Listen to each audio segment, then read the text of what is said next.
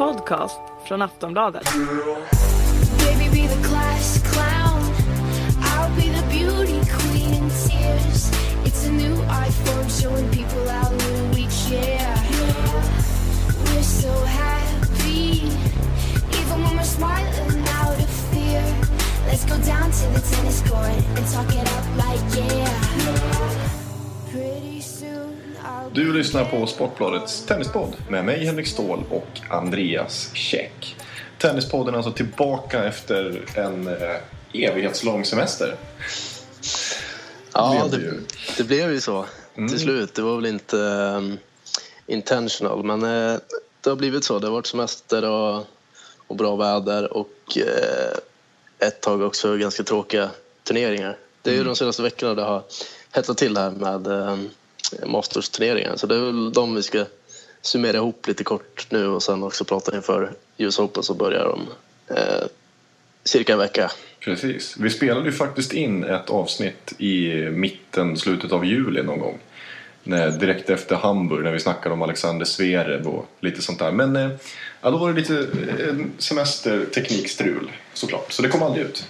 Nej, så vi har ju faktiskt... Jo, vi har ju legat på la- latsidan men vi kan ju parera lite grann med att vi faktiskt spelade in en podd.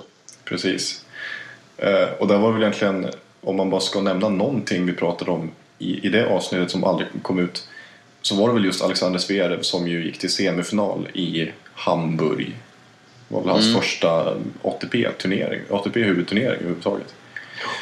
Eh, 17 år gammal. Spelade oerhört bra tennis och blev jättehyllad. Det blev naturligtvis en, en kanonsuccé för honom. Eh, vad har vi sett av honom sedan dess? Uh, inte mycket alls egentligen och det var ju ganska väntat. Uh, han tog väl ett wildcard till en till ATP-turnering direkt efter Hamburg och gjorde inget väsen av sig där. Och är- är väl tillbaka på den nivån han ska hålla ett tag till, det vill säga Challenger-touren eh, slash kval till ATP-turneringen. Det är liksom, det, det kommer ta ett tag. Man kan ha en sån vecka när allt stämmer och det gjorde det verkligen den veckan i Hamburg. Eh, han är liksom en supertalang för all del och har ju liksom enorm potential så men det är kanske inte just den här säsongen eh, det ska hända. Ja, men det, är Men- så, det, det är ju viktigt att poängtera det. Det är, ju- det är väldigt lätt hänt att man, eh, att man gör ett sånt här eller en så här väldigt, väldigt bra turnering och så, så blir man superhossad. Och det är, inte så, det är inte så lätt att hantera den pressen. Det, det är ju många toppspelare som inte ens klarar av det. Men kolla kollar på, på Stanislas Wawrinka som fortfarande har problem med att hantera, att hantera pressen av att vara favorit i vissa turneringar. Eller i alla fall en av toppkandidaterna. Um, så att det är ju liksom inga konstigheter alls att Zverev inte, inte presterar på samma nivå som han gjorde i Hamburg. Där han ju dessutom spelade inför sin hemmapublik. Mm. Ehm, jag menar, vi kan ju kolla på eh, ett annat superlöfte, Nick Kyrgios som ju slog ut Rafael Nadal i åttondelsfinalen i Wimbledon. Ehm, Efter att han sen förlorade kvarten mot Milos Raonic så tog han ju ett gäng veckor ledigt. Eller ledigt, redan han tränade väldigt mycket. Och sen så kom han tillbaka först i, i eh, Masters-turneringen i Toronto. Där han ju vann sin första match övertygande men sen så fick han ju liksom dyngspö mot Andy Murray. Och det är ju liksom inga, det är inga konstigheter alls. Man kan ju inte förvänta sig att de här, de här killarna ska börja spöa toppspelare på löpande band. Nej, så är det. Sen eh, var det väl någon typ av skada som han drogs med också ett par veckor där. Om inte helt ute och. Förkylning tror jag. Ja, så kanske det var. Så kanske det var. Nej, men det, det är som du säger. Alltså, man kan ju backa bandet till Janovic när han slog igenom ett underbrak i, i Paris och, och sen eh, liksom eh, backade upp det sen med, med flera bra turneringar därpå. Det är ju liksom undantaget snarare än regel.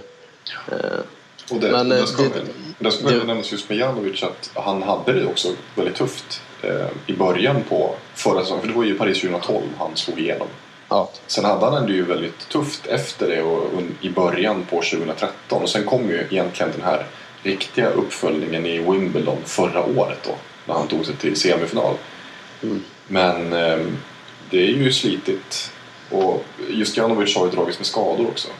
Ska ju nämnas. Men han har ju verkligen, den här säsongen har han ju varit helt liksom under radarn. Eller snarare helt under isen för att han har verkligen inte presterat särskilt bra tennis. Det är egentligen först i, i Cincinnati nu som han gjorde några bra matcher. Bland slog ut Grigor Dimitrov Mm.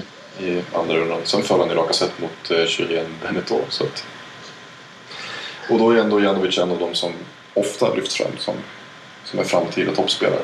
Mm. Så att eh, det tar ju tid. Ja, det gör det. Men eh, både Zverev och eh, Kyrgios är ju purunga. Så eh, det finns alla anledning att, att fortsätta hålla koll på dem. Mm. Verkligen. Och det är väl, det är väl i princip de här eh, spelarna man har haft koll på under, under sommaren. Liksom. Det, det är ju tennisen, tennissäsongen den pågår ju hela året. Men man kan väl säga att det finns en liten sommartorka för det är ett gäng, ett gäng turneringar här direkt efter Wimbledon som inte är så jättespännande. Det får man lov att säga. Ja. Jag har eh, valt att bara pinpointa några matcher och några spelare som man har hållit, lite extra koll på. Det är till exempel då Dominic Thiem som vi har pratat mycket om. Eh, han har ju mött eh, Jiri Vesely, en annan ung talang, två gånger i sommar. Vunnit båda.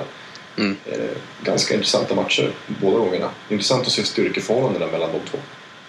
För att det är ju verkligen, det kan ju vara potentiellt, eh, som, eh, en potentiell framtida rivalitet. Ja, absolut. Men eh, om sommaren finns det inte jättemycket att säga. Det finns ju desto mer att säga nu när vi bara är en vecka från US Open. Och då är det ju alltså, för inte alls länge sedan, tidigare idag, vi spelar in den här podden måndag kväll. Tidigare idag så gick alltså Rafael Nadal ut, ut och sa att han tvingas stå över US Open på grund av en handledsskada som han har dragits med. Han fick den under en träning i somras eh, och stod då över både Toronto och Cincinnati där han var regerande mästare. Och nu då så tvingas han alltså stå över även US Open där han också är eh, regerande mästare. Ja, precis. Eh, jag blev lite förvånad måste jag säga ändå. Även fast man, man har ju varit lite förberedd på det så. Eh, och alltid tänkt att det finns en hyfsat stor risk att han drar sig ur även US Open.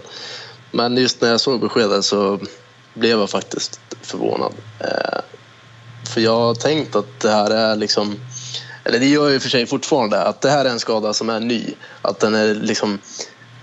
Den, det är inte relaterat till att han har den spelstil han har och, och att hans kropp liksom är sliten och att det börjar liksom bli dags att, att packa upp väskan för gott. Det är liksom inte så. Det här är, det är en handledsskada. Eh, Det kan man få om man, om man spelar tennis och, liksom, och nu råkar Nadal ha fått det.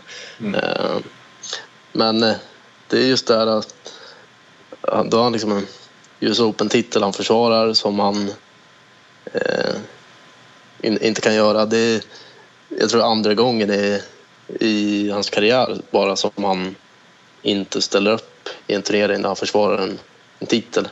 Eh, kan det vara så eller har jag läst fel? Ja, i alla fall, i alla fall stor turnering. Eller så, Ja. Grand Slam-turnering är det väl? Ja men precis. Andra.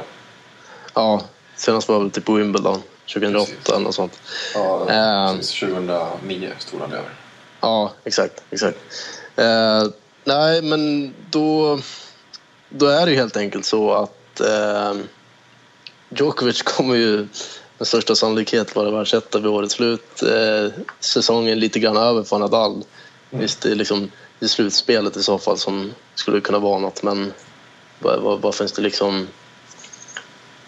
Vad, vad skulle det betyda om han skulle göra comeback till slutspelet och gå och vinna det?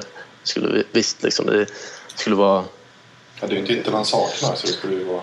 Jo, det, det, det, det är klart. Och liksom, även som någon, start, någon slags eh, eh, startskott inför nästa säsong då, bara för att visa till ett statement mot alla att han faktiskt är tillbaka och fortfarande kan spela bra tennis. Men det är ju liksom, det är ju fortfarande Grand Slam-titlar som räknas någonstans.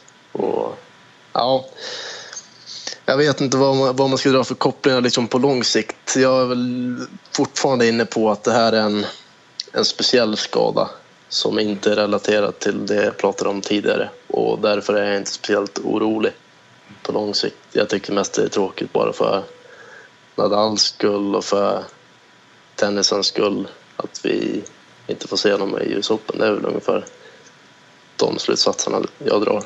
Mm. Precis, ja men det, det är ju samma här. Men vad säger vi om, vad säger vi om, om eh, belackarna då? De som genast börjar skrika om, om dopning, att, han, att det är en tyst dopningsavstängning. Ja, men det har man ju hört förr. Och... Nej, jag, jag orkar knappt ta diskussionen igen. Jag, du har väl gjort det ett par gånger. Eh, Men eh, nej, så är det ju inte, tänker jag. Ganska avancerat fusk med tanke på att han går omkring med en sån här skena på handleden. Liksom. Mm. Det, det, I så fall. Eh, nej men alltså, gud. Det, som du säger.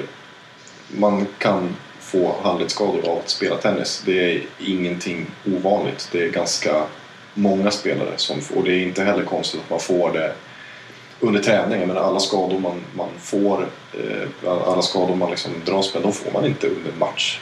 Liksom det, så är det ju. Jag menar, titta på Juan Martin Del Potro som har missat nästan hela den här säsongen. Han spelade sist i Rotterdam. Sen har inte han spelat och det är på grund av en handledsskada som han nu har, har tvingats opereras för igen. Och han har ju dragits med den här skadan tidigare. Ehm, så att jag tror också för Nadals del så kan man också kanske tänka sig att det är en säkerhetsåtgärd. Eh, Ett väldigt tufft beslut att ta men att, Mm. eh, att eh, liksom, okej, han, han, det kanske är lite bättre nu än vad det var för två veckor sedan. Men inte tillräckligt för att han ska känna att det är riskfritt att spela US Open. Och som vi alla vet så är ju Nadal en, en liksom oerhört nitisk person. Han liksom, när han är skadad då vill han vara 100% fit innan han kommer tillbaka. Så att oerhört tråkigt för turneringen. Såklart, det är alltid trist när, när spelare tvingas dra sig ur och ännu tråkigare är det ju när det är en regerande mästare. Mm. Så att, men eh, samtidigt så man måste säga att det öppnar ju verkligen upp en massa i, i startfältet. Nu är det ju ett gäng spelare på här sidan som har dragit sig ur. Bland annat så har vi ju eh, Nadal. Del Potro som jag nämnde var ju absolut ingen, ingen skräll att han skulle stå över US Open och på, på, med tanke på hans eh, handledsskada. Mm. Vi har Alexander Dolgopolov som också står över på grund av en knäskada. Nicolas Almagro har en fotskada och Tommy Haas har en axelskada. Så det är ju ändå fem ganska högt rankade spelare. I alla fall Nadal och Del Potro. Del Potro som, som sagt har missat nästan hela säsongen är trots allt fortfarande rankad 13 i världen. Ja, det är ju synd om man ser sådana när han lägger ut så videoklipp och sen eh, Twitter och, och lite annat. Han står där och, och kämpar och sliter men det, det tar tid. Det är väl det man hoppas ju att eh, Nadal inte har eh, åkt på något, något liknande. Det är svårt, man vet ju liksom inte detaljer vad exakt det är som är trasigt och så vidare. Men eh, jag hoppas ju att det är som, som du var inne på att han står över US Open på grund av en Alltså en försiktighetsåtgärd för att det inte ska bli värre liksom på lång sikt och riskera att bli en återkommande skada som det har varit för Del Potro. Vi såg ju Djokovic gjorde ju comeback ganska tidigt där under eh, sommarens grussäsong eh, när han hade sin handledsskada. Eh, kom tillbaka och var väl inte helt återställd. Nu har inte han haft något mer problem sedan dess men just att som handledaren en en ganska viktig ingrediens i, i tennis så är det väl bra att ta det säkra för det osäkra. Precis. Och på Djokovic, han har ju haft andra spelmässiga problem istället nu efter Wimbledon som vi kommer komma in på här. Men vi kan ju nämna det också att eh, nu i och med att Nadal har dragit sig ur så är det ju faktiskt eh, framförallt två spelare som lyfts fram som favoriter, förhandsfavoriter eh, på här sidan och det är ju just Novak Djokovic och Roger Federer. Det hade vi kanske inte... Han kanske, man kanske inte hade sökt in honom så pass i mixen för typ ett halvår sedan. Eller vad säger du? Nej, verkligen inte. Och, eh, nu har inte jag kollat på oddsen men eh, spontant så känns det som att snacket som det låter nu det är att det är liksom de två och att det är typ 50-50. Mm. Eh, Och det trodde vi inte för ett halvår sedan att vi skulle sitta och säga så inför US Open. Då snackade vi om att Wimbledon 2014 skulle vara liksom Federers sista chans. Nu känns det här nästan som en lika bra chans med tanke på hur risig Djokovic har sett ut de senaste veckorna. Precis. Eh, Djokovic har alltså förlorat mot eh, Joel Fritz Tsonga i Toronto. Tsonga som sedan eh, gick hela vägen och vann i Toronto, sin andra Masters-titel i, i karriären. Första på sex år. Det är ganska häftigt. Eh, och i, nu i Cincinnati så för han alltså mot Tommy Robredo. Mm. Och har inte, i någon av sina matcher har han ju varit speciellt bra. Han hade det tufft även i, i öppningsrundorna i, i båda turneringarna. Ja, ja. Ja, det är ju det är inte bara det att han har sett dålig ut så. Jag tycker att han har sett ganska ointresserad ut. Mm. Eh, Det går inte riktigt att känna igen honom på kroppsspråk eller, eller någonting så. Eh, klart det har hänt lite saker liksom i privatlivet, giftermål och en bebis på väg och allt vad det är. Man vet ju inte exakt hur Ja, det, det finns ju rykten om gällande Jelena och hennes relation till andra familje, familjemedlemmar i Djokovic-familjen där. Eh, och så vidare och så vidare. Men eh, jag vet inte om det kan vara att tankarna ligger på annat håll men samtidigt Djokovic, gick, eller Federer gick och blev pappa igen här och han skenade inte iväg liksom mentalt för det. Han har han spelat bra sen dess. Mm. Eh, Men jag tänker fortfarande så här att eh, Djokovic kommer höja sig. Det är Grand Slam. Nadal är inte med. Han har en jättechans att vinna. Han behöver vinna Grand Slam-titlar. Nu vann han Wimbledon, men det är ändå bra för honom att, att ta fler. Framförallt med tanke på att han har förlorat så många finaler. Precis, han har ju, han har ju liksom fyra raka US Open-finaler nu och han har bara vunnit en av dem. Mm. Förluster 2010, 2012 och 2013. Så att, eh, ja, det känns som att han skulle behöva eh, inte bara att han behöver plocka en till Grand Slam utan det är nog viktigt för honom att vinna just US Open också. Ja, Det skulle nog, det skulle nog jaga undan en, en hel del demoner. mm. hjärnspöken. Men eh, apropå Federers eh, ska säga, favoritskap så grundade det sig ju i att han har gått till fyra raka finaler i de senaste turneringarna han har ställt upp i. Och det är alltså Halle, där han vann inför Wimbledon. Han gick till final i Wimbledon, föll mot Djokovic. Han gick till final i Toronto, föll mot Tsonga. Och nu, så sent som igår, så slog han alltså David Ferrer i eh, Cincinnati och vann sin första Masters-titel sedan Cincinnati 2012. Mm. Och man såg hur lättad han var efteråt. Mm. Det är garanterat något som har gått tyngt honom. Att, eh, han har varit i så många finaler men eh, han har inte riktigt hållit hela vägen fram i mål. Nu hade, om, man, om man ska vara lite taskig nu så kan man ju säga att han hade flyt som fick eh, Ferrer i, i final. Mm. Det är liksom en, en spelare han slår sex och en halv dag i veckan. Liksom. Ja, till och med mer. Ja. Nio dagar i veckan. Ja. Nej, men eh, rent formmässigt så är det ingen snack om saken. Det är Federer som kommer in till US Open med, med bäst eh, form av eh, de här toppspelarna, Mm. top contenders. Men det är också det är fem set. Liksom, Djokovic är så mycket bättre i fem sets matcher eh, jämfört med... Alltså skillnaden mellan för Djokovic att spela tre set och fem set är ju mycket större Mm. Ja, nu, nu, nu snurrar jag bort mig här, men han gynnas ju mycket, mycket mer än vad Federer gör. Absolut. Jo men visst, om man säger så, det är ju lättare att, det är lättare att skrälla mot Djokovic i tresetsmatcher än vad det är i femsetsmatcher. Det är ju liksom inget snack om saken. Djokovic, han lyckas alltid höja sig lite snabbt när han går in i Grand Slam. Ehm, och för Federers del så kan man väl också, om man nu ska tala om liksom för och nackdelar, så är det ju för, Djoko, för Djokovic så är det ju att han är i så dålig form och att han har sett så omotiverad ut så att han måste ju han måste hitta motivation och han måste snabbt hitta sin form för att liksom överhuvudtaget egentligen eh, ja, för, för kunna lyftas fram som en... Nu, nu, det, det är omöjligt att inte... Det vore ju liksom tjänstefel att säga något annat än att Djokovic är en av favoriterna. Det, det måste ju vara på det klara med. Eh, men snackar man för nackdelar så här, då är det ju Djokovic är väldigt dålig form. Men fördel är att han är så himla bra i Grand Slam. Han är så himla bra i bästa av fem, sex matcher. För Federers del eh, så är ju fördelen för honom det att det här är US Open. Han har vunnit US Open fem gånger. Eh, han har varit i, i sex raka finaler i US Open. Det är lite snabbare underlag vilket ju passar honom och hans spelstil. Eh, han, Eh, han är väldigt, väldigt bra form. Han har spelat väldigt bra, högt självförtroende. Nackdelen är just att man har ju sett att han har problem eh, i femsetsmatchen. Eller som inte bästa femset. Han, han blir sliten. Och han har sett sliten ut också i de här två veckorna, under de här två veckorna i Toronto och Cincinnati. I finalen i Toronto mot Tsonga, där var han ju... Han spelade faktiskt inte så jättebra.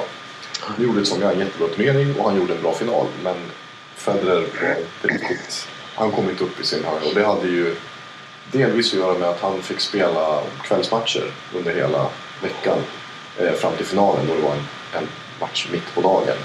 Och liksom väderskillnader och allt sånt och, och, och som att han fick lite mindre vila och sånt där. Det är klart att det spelar in. Eh, samma sak var det ju nu i Cincinnati och det såg ju inte... Alltså det var ju inte var inte jätte, jättebra mot Federer i finalen. Men herregud, han förlorade andra set med 6-1. Han var på väg att liksom bli nollad i andra set Mm. för blott fjärde gången i, i karriären. Så, att, ehm, så det är klart att fysiken är ju en, det kan man väl lägga på minuskontot för Federers del nu när man går in i Grand Slam i bästa fem set. Ja, definitivt. Och banorna där i Flushing Meadows är ganska... De, de, de tar rätt mycket på, på kroppen, vad man har hört och så. Samtidigt, när de spelade Wimbledon-finalen fem set, då, var det ju, då såg ju Federer hur, fräsch ut som helst. Alltså, det, han är lite svåranalyserad på, på så vis. Han kan se trött ut i slutet av eh, tre set turneringsmatcher. Eh. Men eh, ja, jag vet inte. Ja, det är ju... Eh, dels är det ju liksom de här en, alltså en, mas, en mastersturnering under en vecka. Det är lite mer intensivt att spela varje dag. Det gör du inte i Grand Slam. Då har du ju en vilodag vilket är, det är viktigt Mm. såklart. Mm. Men just finalen också mot Djokovic, det var det ju väldigt... Det var ganska upp och ner måste man säga. Han hade ju, han hade ju ett gäng dippar där liksom i mitten av matchen och sen mot slutet av andra set, eller förlåt, slutet av femte set så märktes det också att han liksom tappade sin serve och sådär. Ja, Så- absolut. Men ehm, han var ändå förvånansvärt pigg Mm. tycker jag förra Ja, det, håller- det håller med spelet. absolut. Ehm, Ja, nej men alltså stalltipset är ju att Djokovic eh, vinner US Open. Men det känns ju som att det är den... Det är väldigt öppet. Mm. Mer öppet än på länge. Och alltså det finns ju de här eh, killarna där under som, som skulle kunna gå hela vägen nu. Det är ett bra läge för dem. Jag tänker på liksom Reonic och Dimitrov och så. De är i hyfsat bra, både, bra form båda två, framförallt Raonic. Ja, precis. Raonic som har gjort... Eh, han har, nu lyckades han ju inte försvara sin, sin finalplats i Canada Open då, i Toronto.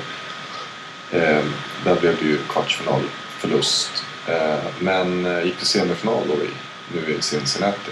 Och han har faktiskt gått till kvartsfinal eh, som sämst i alla Masters-turneringar i år. Mm.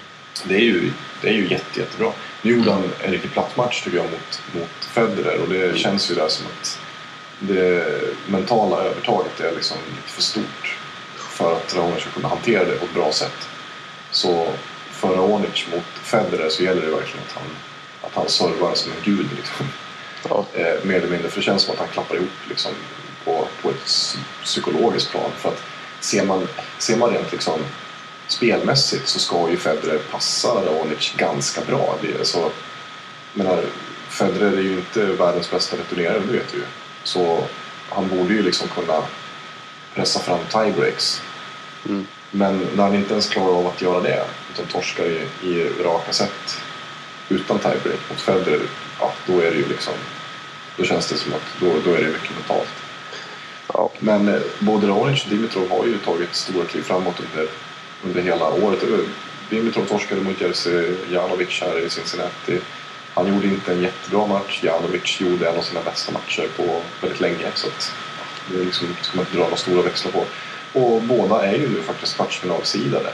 Så jag menar, ja, om Raonic får typ Ferrer i, i kvarten eller Dimitrov får Wawrinka till exempel. Alltså det känns rätt öppet. Ja. Säkert också med tanke på att varken... Alltså Wawrinka har ju varit i ganska dålig form. Ja, Han har inte gjort verkligen. något bra ifrån sig alls efter Wimbledon. Och Ferrer, det är ju egentligen bara nu i Cincinnati och där hade han väl ganska enkel väg till final får man ju väl lov att säga. Ja, nej, så har väl Murray som smyger lite grann i vassen gå till kvartsfinal Mm. eh, och sådär. Det är ju tur för honom nu då att Nadal eh, drar sig ur, för nu är ju han och kvartsfinalsidad. Han är ju världsnia och blir då kvartsfinalsidad. Så då slipper han ju åka på någon, någon liksom, tung pjäs i, redan i, i åttondelsfinal. Mm. Det är skönt för honom. Men eh, han har ju inte heller sett så jättehet ut. Nej, så ett ganska medelmått ut får man väl säga. Alltså, det, Det det, ja, han har inte varit kass, men han har inte varit fantastisk. Han har liksom gått hyfsat långt i många turneringar. Men aldrig, aldrig, han har inte varit i final på, ja, jag minns inte hur länge. Ja, Jag tror inte han har varit en enda final i år va? Nej, inte en enda final. Det är kvartar och, och semifinal. Kvartsfinal nu då i, i Toronto. Mm. Eh, där Tsonga ju gjorde sin fantastiska run. Tsonga slog alltså ut fyra topp 10-spelare. Först Djokovic, sen Andy Murray och sen Grigor Dimitrov i semifinalen och sen då Roger Federer i finalen. Eh, det är fler topp 10-spelare än han slog under hela förra året. Mm. Så det är ganska bra utdelning för Tsonga som är världstia igen nu då. Sen eh, fick han ju stryk i första omgången i Cincinnati. Mm. Eh, Det är inte alltid lätt att landa efter en sån här mental urladdning heller. Så det ska man inte heller dra några stora växlar på. Och där får man kanske slänga in Tsonga i mixen i US Open. Med tanke på det självförtroendet han lär ha fått efter Toronto. Ja, ja absolut. Vi vet ju vilken kapacitet han har. Och sen fick ju lite extra vila då i och med det eh, tidiga uttåget i Cincinnati.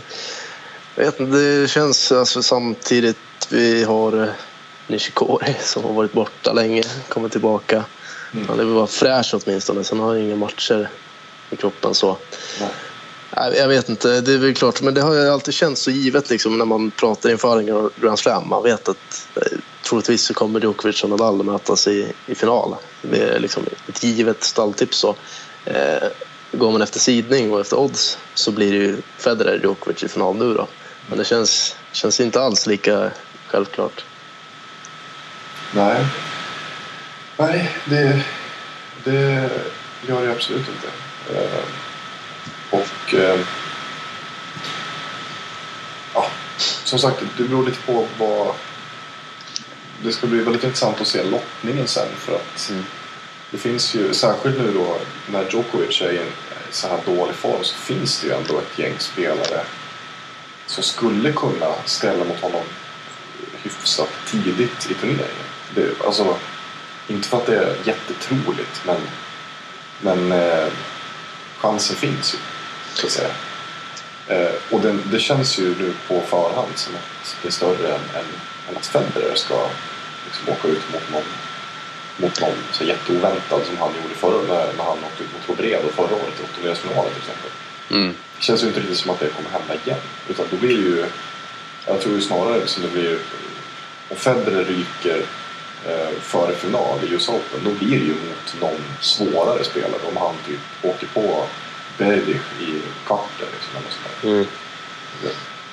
Ja, precis. Det känns, ja, men jag håller med dig om att eh, det känns som det är större chans att Djokovic ryker tidigt så här, i första, eller andra eller tredje omgången så, eh, än att Federer skulle göra. Men om båda går liksom till andra veckan och tas till kvart och så, då känns det ganska givet att Djokovic eh, kommer hålla som klar favorit. Han skulle ju må bra av att få en en li- lite lite lunklottning så i början. Mm. Få någon eh, en kvalspelare och, och sen en mjuk start bara för att hitta sitt spel igen. Eh, ja, lottningen kommer ju om ett par dagar så vi får väl se. Får väl köra en, en, eh, ett till avsnitt tätt på. Ja, en kortare variant kanske. Exakt, bara analysera lottningarna helt enkelt. Mm. Men eh, om vi bara nu spekulerar helt och hållet utan lottning. Vilka, vilka spelare tror vi har liksom störst chans att, eh, att utmana Djokovic och Federer? Som det ser ut just nu. Ja, men jag, jag skulle väl säga det då, även fast det är lite vanskligt. Det är fem set och han lever så mycket på sin serve och han har svårt mot Federer. Eh, men han känns ju spontant som den hetaste spelaren eh, bakom de två. Det är jättesvårt med Wawrinka. Han har ju liksom inte alls varit bra, men man vet vad han kan och han kan ju blixtra till liksom. Det känns, ju som, det känns ju fortfarande som att Wawrinka är den spelare med störst chans att slå både Federer och Djokovic. Jag tycker han har större chans än ja, kanske större chans än Murray. Definitivt större chans än Ferrer och Berdych och de där. Jo, ja men visst, men det, det håller jag absolut med om. Det blir ju typ mardrömslottning för Federer. Det måste ju, det måste ju vara att få just Berdik i, i kvarten. Med tanke på Ja. att, med tanke på att Berdiks spelstil inte passar honom alls och Berdik alltid lyckas hitta en extra växel just när han spelar mot Federer. Han trivs väldigt bra liksom, i den matchupen. Eh, nu är ju Berdik i jättedålig form i och för sig, men Mm. det, det är också så här, för spelare som Wawrinka och till viss del också Berdik, det kan ju också vara fördel för dem att, ha, att kliva in i en Grand Slam med lite halvkackiga resultat i bagaget. Mm. För att då kan de liksom, då kan de spela på i lugn och ro lite grann under radarn. Som att Wawrinka hade inga förväntningar på sig överhuvudtaget inför Wimbledon i och med att han hade spelat så, så dåligt Mm. liksom, under, under stora delar av grussäsongen, framförallt då Franska öppna. Mm. Eh, och då kunde han ju liksom gnugga på där i, i, i lugn och ro. Så då ja, vi gick han ju till kvartsfinal. Liksom. Ehm, men eh, Han är ju, han är ju tredje sida skulle jag säga så det, det blir ju för Federer Djokovic det är ju aktuellt först i en, en semi då i så fall. Precis. Men eh, det är ju högst troligt att, man, att någon av de här underdogsen får, ska behöva plocka både Federer och Djokovic i, för att kunna vinna US Open. Och det är det ju inte alla som mäktar med så att säga. Där är det ju, alltså, man vill ju ändå någonstans lyfta fram Andy Murray för att man vet att han har spelet, liksom, att han har kapaciteten. Men han har inte, han har inte riktigt visat upp det så många gånger i år. Det är typ så här, ja, Franska öppna gjorde han väldigt bra ifrån sig. Och stundtals i vissa matcher har han spelat väldigt bra och vissa turneringar. Men just när han har mött eh, topp 10-spelare, då har han haft det väldigt tufft. Mm. Och, ja, sen får vi se om kanske Gulbis kan vakna till liv efter en lite halvkackig sommar. Ja, halvkackig var ganska snällt. Han har inte gjort någonting som Franska öppna i stort sett. Nej, verkligen. Ja, nej men eh, väldigt ovisst. För det bör väl kanske klarna lite när man får lottning och så. Men det är spännande för det som sagt det känns öppet. Precis. Ja, men visst, det brukar ju vara så att man... Det är ju lättare att få lite, lite klarare bild än man får av lottning. Då, får man, då ser man ju ändå vilka, vilka hinder som står på vägen. Som, som sagt, som du säger om, om Djokovic, det skulle nog vara bra för honom att få en lite mjuk start. Och kanske inte få sådär jättetuffa spelare heller eh, en bit in i turneringen. Att han inte får liksom typ... Jag vet inte riktigt vem, vem som skulle kunna vara, vara jobbig för honom typ i en Ja, men han skulle kunna Ja, få typ. Dimitrov i... ja, ja, precis. Isner i åttondelsfinal skulle kanske inte vara så kul för. Och alltså, Isner i en åttondel och Dimitrov i en kvart. Då är det liksom... Mm. Det är inte lätt. Och sådär. Men, ehm, eh, men hur ser det ut på damsidan? Där är det ju, hittills är det bara en spelare som har tagit sig ur och det är alltså Lina. Mm. Eh, det är det. Och eh, vi får väl se vad som händer med Lina. Det snackas lite här och där om att kanske blir dags att, att vika in åren. Men vi får väl se. Mm. Eh, nej men Serena Williams är ju tillbaka i, eh, i bra slag igen. Efter mystiska virussjukdomen. Hon har ju- var ju, ja, hon torskade med syrran i, i Toronto. Mm. Men, Det är eh, ja precis. Ja just det, just det. Montreal är ju för damerna. Just det. Eh, men sen gick ju och vann eh, nu i Cincinnati. Slog väl Ivanovic i kvar. Ja, precis. Ivanovic blev mosad. Men eh, Men bra, och bra för Ivanovic att gå till final. ja, jättebra. Hon, är ju, hon blir ju kvartsfinalsida då i US Open i och med Inas bortfall. Men Ivanovic har ju känts lite grann på gång hela säsongen. Eh, det vet ju de som lyssnar på den här podden att jag gärna lyfter fram henne som kandidat i stort sett i alla turneringar. Det tycker jag också att hon, hon ska alltid vara med i snacket. Mm. Eh, Det var förresten eh, förmodligen den bästa matchen i år på WTA-touren. Semifinalen mellan Ivanovic och Sharapova. Så det kan man säga vad man vill om, om sådana typer av matcher men det är lite grann så det ser ut på, på damtouren. Eh, Det var väldigt mycket breaks hit och dit och det var chokes hit och dit men dramatiken och spänningen och också stundvis extremt hög kvalitet på tennisen. Alltså det var en, ma- var en match som hade allt. Sen är, sen är det också liksom, vadå, många breaks. Det är inte ett kvitto på att matchen är dålig. Jag menar, hur många breaks blir det inte mellan Murray och, och Djokovic? Och hur många breaks kan det inte bli mellan Nadal och Djokovic också? Ja, precis. Men Jag tänker bara på de som ser på det väldigt krasst. Ja, Alltså det, då jämför man, man kan ju liksom säga att eh, Kvitova, Venus i Wimbledon var bättre för att de höll minsann sin serve, bla bla bla. Jag såg att Dennis Kudla var ute och svingade lite på Twitter under tiden matchen pågick här mellan Ivanovic och Sharapova och skrev typ att ja, det var väl någon slags attack mot damtennis då, att de minsann inte kan stänga matcher och så vidare. Då högg folk tillbaka. Eh, Men jag tyckte i alla fall det var den bästa matchen hittills i år på WTA-touren. Eh, ja Men, för ehm, slänga in det kan man säga. Herregud, eh, gamla världsettan Leighton Hewitt är över 30 bast. Han kan fortfarande stänga match. Nej, precis. precis.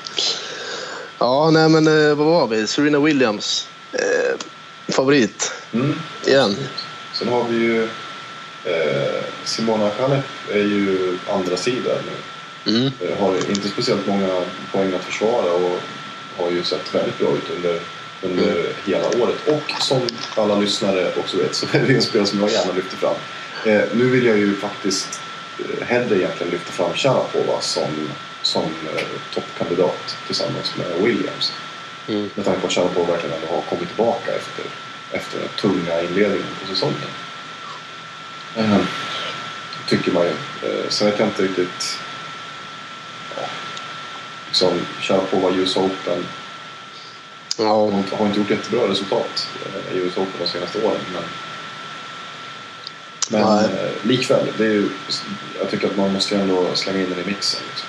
Och eh, likaså Kvitova kan jag tycka, även om hon inte har gjort jättebra resultat efter, efter Wimbledon så nej, och hon spelar ju i regel inte så bra i, i USA. Men eh, nej, ja, det är klart hon ska vara med i snacket. Hon är sidad trea. Mm. Eh, och ja, eh, det är ju någonstans som alltid Serena Williams turnering att förlora. Det är ju upp till henne. Så är det ju alltid. lite så är det ju. Men eh, alltså får vi se lite grann. Alltså, det, det har ju varit väldigt upp och ner för henne. Så att, eh, jag menar, det är ändå det är lätt att lyfta fram henne som, som, förhandsfavorit. Eller så här, det är så här, det är svårt att inte lyfta fram henne som förhandsfavorit. Mm. Men, men samtidigt så...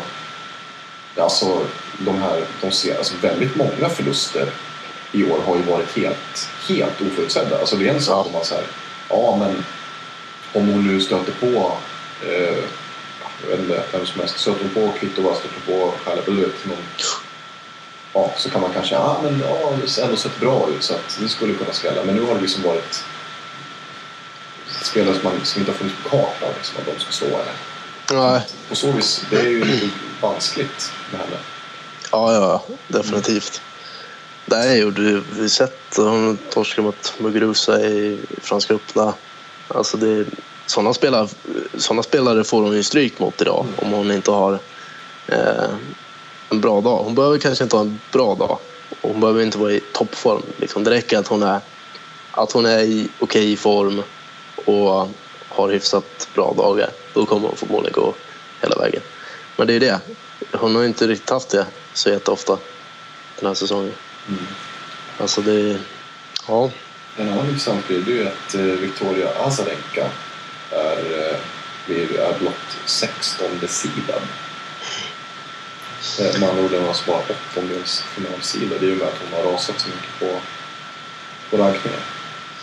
Ja, hon har ju inte riktigt kommit tillbaka efter den här fotskadan. Den höll henne borta ur spel ganska länge. Och hon är ju en sån spelare som eh, behöver ha självförtroende när hon spelar. Just med tanke på att hon är lite, lite eh, ostabil så, psykisk, psykiskt, mentalt. Eh, men eh, det är klart, hon finns ju alltid där. Man vet vad hon kan när det väl eh, funkar för henne, stämmer för henne. Vi måste ju nämna Ginny Bouchard. Hon är sidad sjua men hon har inte rosat marknaden efter bortblåsning där i Wimbledon-finalen. Jag var inne lite grann på det. Det kan kanske var i den podden som aldrig kom ut då. Mm.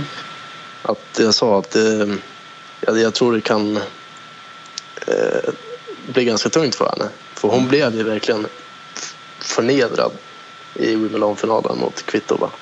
Och visst, Kvitova spelade hur bra som helst. Hon hade slagit Serena Williams eh, i, i den matchen också med det spelet. Så det var ju liksom... Det var inte bara... Eller Bouchard spelade, ju- hon spelade inte ens dåligt så.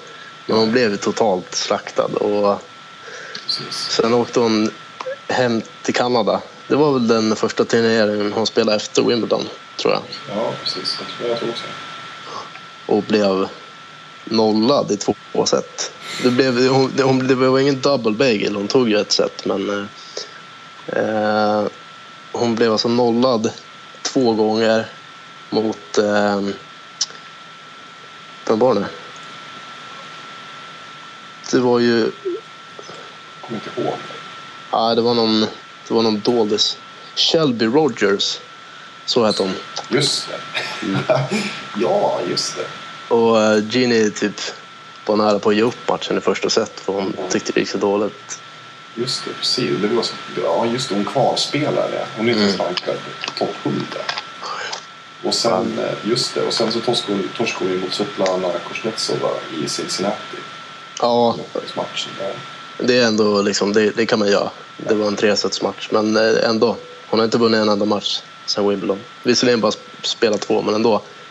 Ja, men jag, jag minns den här diskussionen vi hade väldigt väl. Och jag minns att, att jag var inne på ett annat spår. Jag tänkte så här att eh, Bouchard är lite grann som, som Raonic. Att liksom att eh, ja, Raonic kan ju, kan ju ha liksom en, göra en, en platt match mot en toppspelare men då går han raka vägen in liksom, ut på träningsbanan och så försöker han liksom hitta sätt att utveckla sina svagheter utifrån den senaste förlusten så att säga. Att han, liksom ger, han ger sig inte. Eh, och lite så tänkte jag väl om, om Bouchard också. Liksom, nu gick hon ändå till final i Wimbledon och det är väldigt bra. Och sen så blev hon fullständigt överkörd. Vilket inte är speciellt bra men att hon då skulle bara liksom gå tillbaka till ritbordet och se så här, hur kan jag jag bli bättre till nästa gång jag, jag kommer till en final. Vad jag är inne på men eh, det, där har jag ju kanske inte riktigt fått rätt. Men å andra sidan, det skulle nämnas också att om man jämför med till exempel Raonic så han har ju haft liksom tunga perioder eh, som har kommit efter förluster som, som visserligen inte har varit förnedrande men där han tycker att, liksom, att jag borde haft mer häng i den här matchen. Så, så får han liksom dåligt självförtroende och så har han, har han haft liksom vissa perioder där det har gått tyngre. Sen har han liksom vänt på det där. Eh, och jag tror väl ändå någonstans att alltså, Montreal var ju ändå första turneringen efter Wimbledon. Hon kanske inte, alltså, hon kanske tog semester liksom, inom stationstecken. Hon kanske inte jobbade, tränade så hårt under sommaren och så åker hon på den här riktiga, riktiga som kalasstjärnsmällen. Eh, Cincinnati, som vi sa, så var det ju liksom, ja, det, är- det var en match, Hon torskade den. Ja. Så att, ja, någonstans ändå, det är Grand Slam. Hon eh, är sidad åtta. Jag tror ändå någonstans att hon kommer hitta tillbaka till, till sig själv. Ja, ja alltså hon kommer inte försvinna nu. Hon, är ju hon kommer ju fortfarande vara liksom en toppspelare många år Jag tänker på nu Så, i US Open att jag tycker Ja. att man, man, kanske, man ska inte liksom plocka bort henne. Så, jag tycker att hon ändå ska lyftas fram som en, en av eh, liksom, toppkandidaterna under de här självklara så att säga. mm, Eh, jag Ja. tycker att hon, hon borde kunna ta sig till en, till en kvalificerare.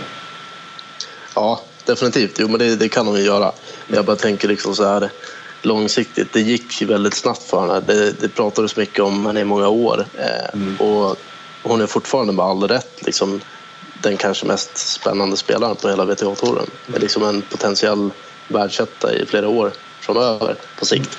Men eh, just det här att det gick så snabbt för henne att få det här stora genombrottet. Hon har liksom varit i semifinal två semifinaler och en final på årets tre Grand Slams. Mm. Och allt stämde för henne. Mm. Men hon är ung fortfarande, det ska vi inte glömma bort. Jättestjärna liksom i Kanada. Många strålkastare ka- kastare riktade mot henne. Och sen just den uppläxningen som hon fick mot Kvitova. Där hon känner förmodligen att hon spelar helt okej. Inte på topp, men spelar ganska bra. Och ändå är liksom totalt chanslös. Jag kan bara tänka mig att man i den situationen börjar fundera på om man har liksom gjort rätt under alla de här åren som ungdom när man har stått och nött backhand. Och liksom, det har känts bra och sen helt plötsligt så, så kommer någon och, och liksom plockar ner dig på jorden ganska ordentligt. Att man, det, man får sig nog en ganska stor tankeställare så. Och det var väl eh, det som gjorde att jag trodde att hon skulle ha en tung period. Men eh, ja, som sagt, jag, jag, tror fortfarande att hon är definitivt att räkna med på sikt. Jag tror kanske inte att hon kommer göra så bra ifrån sig här i US Open. Jag tror att det här året kommer dala lite neråt fortsättningsvis också. Mm. Tyvärr. Ja, ja men det, det är ju en väldigt bra grund hon står på i alla fall. Mm. Nu när hon liksom är ändå topp 10, eh, världs 8 och sådär. Så att det, det är ju det är ju väldigt positivt att hon, hon kan ju kosta på sig, om man säger så. Eh, Det, det är ju inte liksom total katastrof om, om slutet på säsongen går kackare. Liksom, går kraftigt. Eh, och detsamma kan ju sägas då om Nick Kyrgios som vi varit inne på också. Att han, han har ju också liksom gått från liksom, i, de, i de stora, lite bredare sammanhang så har han ju varit helt okänd i princip. I tennisvärlden så har han bara han har varit en liten snackis. Det är så här, en spelare man ska hålla koll på. Men han har inte varit jättehossad. Det, det är ju först nu efter Wimbledon. Och det är klart att det blir ju en enorm omställning. Eh, du vet, det var ju Filde Rosengren inne på när vi körde vår specialpodd med honom. Han pratade lite grann om hur det är att träna sådana här liksom, världsstjärnor. Att det är sån enorm skillnad med att vara topp 20 och topp 10 i liksom hur man blir hur man, man blir behandlad så att säga. Hur, hur mycket intervjuer det är och liksom hur mycket folk är efter så att säga. Och så har det ju varit för, för Kyrgios nu till exempel. Så med många av de här spelarna så är det ju väldigt intressant att, att se hur de hanterar den sortens press. Och det har ju Bouchard visat sig göra väldigt, väldigt bra under hela det här året. Så att nu blir det ju liksom att eh, nu får vi se hur hon hanterar den här smällen hon åkte på i Wimbledon som du var inne på. Hon verkligen blev helt uppläxad. Hur hanterar hon det mentalt framöver? Nu måste hon ju liksom ändå hon måste bygga upp det igen. Hon måste bygga upp sitt självförtroende. Men jag hoppas ändå någonstans att hon att man tar fasta på att shit, jag var i final. Jag var i min första Wimbledon-final. Det är okej att torska den på ett sätt. Liksom. Och Jag känner mot en så pass rutinerad spelare då som Kvitova som har sån enorm kapacitet. Ja, det är det. om Kvitova Alltså- skulle kunna spela, om hon skulle kunna spela sådär på regelbunden basis, då skulle hon vara liksom världsetta, världstvåa. Hon och Serena Williams skulle liksom dela på det. Ja, precis. Det är, det är så lätt för oss utifrån att förstå att eh, Kvitova kan ha sådana dagar och då kan han liksom spöa vem som helst med stora siffror. Men eh, jag kan tänka mig ett Bouchard liksom, som såklart siktar på att bli världsetta. Att hon börjar tänka så här, okej jag tar 3G mot Kvitova idag fast jag spelade helt okej. Okay. liksom, är det verkligen det här spelet som ska göra mig till världsetta eller måste jag ändra om någonting nu? Eh, men jag hoppas att hon inte gör det, att hon fortsätter liksom på samma inslagna väg och jag hoppas att hon har folk runt omkring sig som berättar för henne att du, du gör rätt saker. Det, det här kan hända liksom. Fortsätt bara så som du alltid har gjort. Ja. Ja, ja men eh, eh summa summarum får väl säga att det blir eh, en väldigt intressant US Open i år. Trots att det är väldigt trist att Nadal inte spelar. Det är väldigt trist att en Potro inte dyker upp. Jag tycker personligen tycker att det är jättetråkigt att Dolgopolov inte är med. Han är ju väldigt sevärd spelare även om han sällan går så speciellt långt i Grand turneringar så det är alltid kul att se honom spela. Eh, men eh, sen får vi ju se här med lotten. Det känns som ändå på förhand som att herrsidan är mer öppen än damsidan trots att Serena Williams har varit upp och ner för henne och, eh, och sådär så känns det ändå som att just herrsidan på förhand nu så här en vecka innan känns väldigt, väldigt öppen. Mer öppen än vad det gjort på länge. Mm, det håller jag med. Jag tycker det ser hyfsat öppet ut på damsidan också. Eh, men ja, jo, det, det köper jag. Mm. Så, så ja, Ska vi, ska vi ta och avrunda lite kort bara? Uppdatera alla lyssnare på vad som hände med Elias Ymer. Jag tror ju att de flesta som lyssnar på den här podden säkert har koll redan. Det måste vi absolut göra. Han har ju klättrat ordentligt nu på rankingen under året. Jag vet inte om, om eh, hans rankingklättring är med på den officiella men eh, han, han är ju rankad 244 i världen just nu. Om man ser till live-rankingen. Ja, precis. Det tar lite längre tid för de rankingpoängen att trilla in på Future och Challenger-nivå. Alltså. Men eh, ja, 244 och det är ju en placering som egentligen ska räcka till eh, att få kvala i US Open. Men problemet är att de drar ju den deadline day i slutet av juli. Så Challenger-turneringen i Tammerfors som Elias spelade var ju hans sista chans att, att klättra så många placeringar som han behövde klättra. Mm. Och han gjorde en bra turnering där. Han gick till kvartsfinal för första gången i, i en Challenger men han fick stöta på Goffin, mm. en på nytt född Goffin som, som var liksom i fantastisk form. Och, gjorde rent hus. Ja, precis. Mm. Men nu var han ju framme i kvartsfinal igen här i en Challenger i Italien. Äh, Ymer. Och äh, slog Ramirez Hidalgo i två raka set. Det är en riktigt fin seger för Ramirez Hidalgo är liksom i toppskiktet där på Challenger-touren. Precis. Sen, han har ju varit en ATP-spelare liksom, som har pendlat lite upp och ner mellan mm. Challenger och ATP. Så. Ja, och sen torskade han mot eh, Lorenz i, i kvartsfinal. Det, Inget det, det. Nej, absolut inte.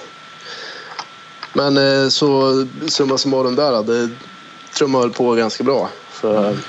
Ymersten. Han har spelat ihop 200 poäng i år och det är ju det är skitbra. Absolut. Eh, så ja, det är väl ungefär det som har hänt. Jag har ingen jättestor koll på vad de andra svenskarna har pysslat med i sommar och ärligt talat är jag inte så tokintresserad av det heller. Det känns ju som att det är Elias man, man går och hoppas på nu. Ja men just nu så, det är klart, när, och när det har varit liksom stekhet sommar och, och lite tennis sommartorka liksom så ja. jag får förstå det, det, då är det ju liksom en, då är det ju Ymer man håller koll på egentligen. Ja, det blir så. Det är klart man, det är spännande med Lindell också som har visat fin form. Och sen blir det väl kanske mer inför, inför Stockholm Open. Vi ska hålla koll på dem med anledning av vilka som ska förtjäna wildcard och så vidare.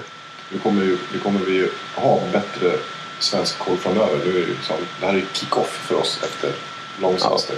Ja. ja. Men jag kan ju nämna det också, apropå David Goffin, eh, på nytt född Goffin. Vi har ju pratat om honom en del i podden eh, eftersom han lyftes fram som ett av de stora framtidslöftena 2012. Sen har det ju gått eh, gått spikrakt uppåt för honom kan man inte påstå. Snarare spikrakt neråt då. Han har haft skadeproblem och resultaten har inte trillat in som han har velat heller. Men eh, nu har han ju börjat hitta formen igen efter de här skadebekymren och allt det där. Och vann ju sin första ATP-turnering här i somras i Kitzbühel. Där han ju slog Dominic Thiem i finalen. Och Thiem var ju då i sin, han var framme i sin första ATP-final. Eh, det är ju spännande. Nu var det ju det visserligen, ja, var inte det hetaste startfältet på året om man säger så. Men eh, likväl ATP. Ja, Att, eh, man kan ju hoppas nu att, att uh, Goffin trummar på nu under, under resten av året. Thiem har ju liksom, han har ju nött på hela säsongen. Eh, har egentligen inte haft några så ordentliga svackor utan de kör på liksom. Han spelar ju huvudturneringar i ATP och tar sig till, till kvartar ibland liksom, som där och till final. Så ja, det är lite spännande. En annan rolig sak också som man bara kan nämna i förbifarten innan vi avrundar eh, inför US Open där ju ändå ganska mycket rankningspoäng står på spel. Kan vi säga att Roger Federer i, tack vare sina senaste turneringsframgångar börjar faktiskt knappa in här nu på Rafael Nadal och Novak Djokovic eh, på säsongsrankningen. Det som brukar kallas för Race to World Tour Finals. Eller Race to London. Ehm, Djokovic har spelat in 7430 poäng hittills i år. Nadal 6650 och Federer 6160. mm. Så det skiljer bara drygt, ja, ungefär eh, 1300 poäng mellan Federer och ettan Djokovic. Så, ja. Det är lite intressant också nu apropå att, att han lyfts fram som en av, en av eh, kandidaterna, titelkandidaterna till nu under US Open. Nu har ju faktiskt också en chans att utmana Djokovic om, om titeln som världsetta vid årets slut. ja, det har han. Men det förutsätter någonstans att Djokovic fortsätter spela som han har gjort de här senaste veckorna och det tror jag inte att han kommer göra. Men också att Federer fortsätter spela som han har gjort. Ja, men det tror jag att han kanske kan. Men eh, alltså Nadal, re, regerande mästare i US Open, där försvinner 2000 poäng. Eh, så troligtvis kommer ju Federer vara tvåa då vid årets slut. Precis, det krävs ju en, eh, det krävs en semifinal för att Federer ska gå om Nadal på säsongsrankningen. I alla fall. Och sen så vet jag inte nu, ska vi se här hur Ja, det beror på hur länge Nadal är borta också. Om han gör comeback direkt efter US Open, men jag vet inte. Exakt. Men eh, ja, precis. För nu behöver, Federer behöver ju... Han behöver ta sig till, till final för att gå om Nadal på den officiella rankningen. Mm, jag tror att det kan vara så. Eh, om det ens räcker. Jag, jag tror det. Jag tror att det, ja, om jag räknar rätt så är han väl knappt. Går han väl om Nadal knappt med några poäng. Liksom. Om Federer tar sig till final. Eftersom Nadal tappar sina 2000 poäng nu. Mm. Mm. Ja, nej. Spännande. Snart höst. Väldigt spännande. Men eh, du får väl sätta punkt för den här gången. Tycker Du har lyssnat på Sportbladets tennispodd med mig Henrik Ståhl och Andreas Käck. Om du vill höra av dig till oss med eh, tips på ämnen att ta upp eller frågor eller annat så kan du göra det via mail. Då är det fornamn.efternamn.aftonbladet.se eller via Twitter och då till exempel under hashtaggen tennispodden i ett ord. Ansvarig utgivare är Jan Helin och vi hörs senare i veckan. Hej då! Hej då. We're so happy, even when we're smiling out of fear. Let's go down to the tennis court and talk it up like yeah. Pretty soon I'll be getting on my first plane.